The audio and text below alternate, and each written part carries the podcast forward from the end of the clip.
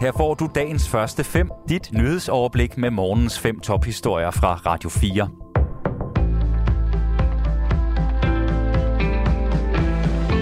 Det er mandag den 14. november. Mit navn er Asbjørn Møller. USA ønsker ikke at skabe en konflikt, når landets præsident Joe Biden mødes med Kinas præsident Xi Jinping i dag. Det siger Jake Sullivan, der er sikkerhedsrådgiver i det hvide hus, ifølge det tyske nyhedsbureau DPA. De to statsledere skal mødes på Bali i Indonesien inden et møde i G20. G20 består af 19 af verdens vigtigste industrilande og vækstøkonomier samt EU. Det bliver deres første møde i Bidens præsidentperiode. Andreas Bøje Forsby, som er seniorforsker på Dansk Institut for Internationale Studier og beskæftiger sig med forholdet mellem USA og Kina, har svært ved at se, at mødet kan gøre en stor forskel på de vigtige områder. Han mener, at den amerikanske toppolitiker Nancy Pelosi's besøg i Taiwan i august måned har været med til at forværre forholdet mellem de to lande. Her var kineserne ude og sige, at de slet ikke ville samarbejde med amerikanerne på nogle af de få tilbageværende områder, hvor parterne trods alt kunne finde ud af at finde fælles fodslag, siger han til Ritzau. For første gang får en patient tilkendt erstatning i en af amputationssagerne i Region Sjælland. Det gælder en mand, der fik sit venstre ben amputeret på Slagelse sygehus, det skriver sjællandske medier. Sofie Levering har mere. Vurderingen lyder, at benet kunne være reddet, hvis man med det samme havde konstateret, at der var en blodprop i benet. Ifølge patienterstatningen blev manden indlagt på sygehusets akutmodtagelse i meget dårlig tilstand og med et koldt venstreben. Men først dagen efter blev manden undersøgt for en mulig blodprop. Her måtte karkirurgiske eksperter ifølge mediet konstatere, at det var for sent at redde benet.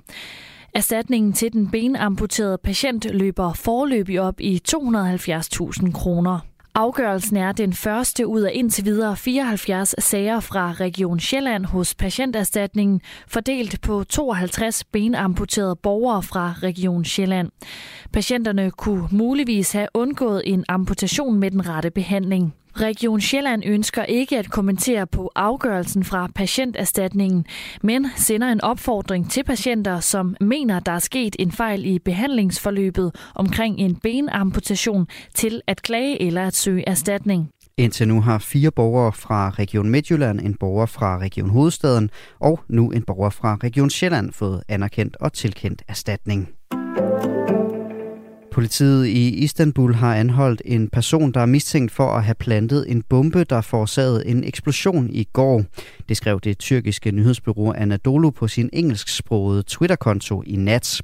Nyhedsbureauet citerer landets indenrigsminister for udtalelsen. Personen, der plantede bomben, er blevet anholdt, siger ministeren ifølge nyhedsbureauet AFP. Seks personer mistede livet, og over 80 personer blev såret, da bomben detonerede på en travl gågade i det centrale Istanbul. Indrigsministeren beskylder ifølge nyhedsbyrået AFP det forbudte Kurdistans Arbejderparti PKK for at stå bag angrebet. PKK er terrorstemplet af USA, EU og Tyrkiet. Efter angrebet har Tyrkiets præsident Recep Tayyip Erdogan sagt, at angrebet lugter af terrorisme. Mike Pence, der var vicepræsident, da Donald Trump var præsident i USA, mener, at Trump bragte ham og hans familie i fare ved stormløbet på kongressen. Det siger han i et interview med ABC News i går. Præsidentens ord var uforsvarlige, og hans handlinger var uforsvarlige. Præsidentens ord den dag til vælgermødet inden stormen på kongressen bragte mig og min familie og alle i kongresbygningen i fare, det siger han i interviewet. USA's kongres i Washington D.C. blev stormet af vrede demonstranter. Demonstranterne ville have underkendt valgresultatet fra præsidentvalget, der var blevet afholdt i november 2020.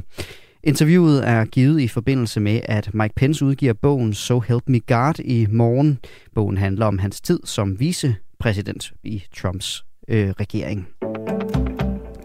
En serie kraftige eksplosioner ramte i aftes byen Luhansk i Ukraine, der er besat af Rusland. Det rapporterer det russiske nyhedsbureau TASS. TASSES korrespondent beskriver eksplosionerne som værende meget kraftige.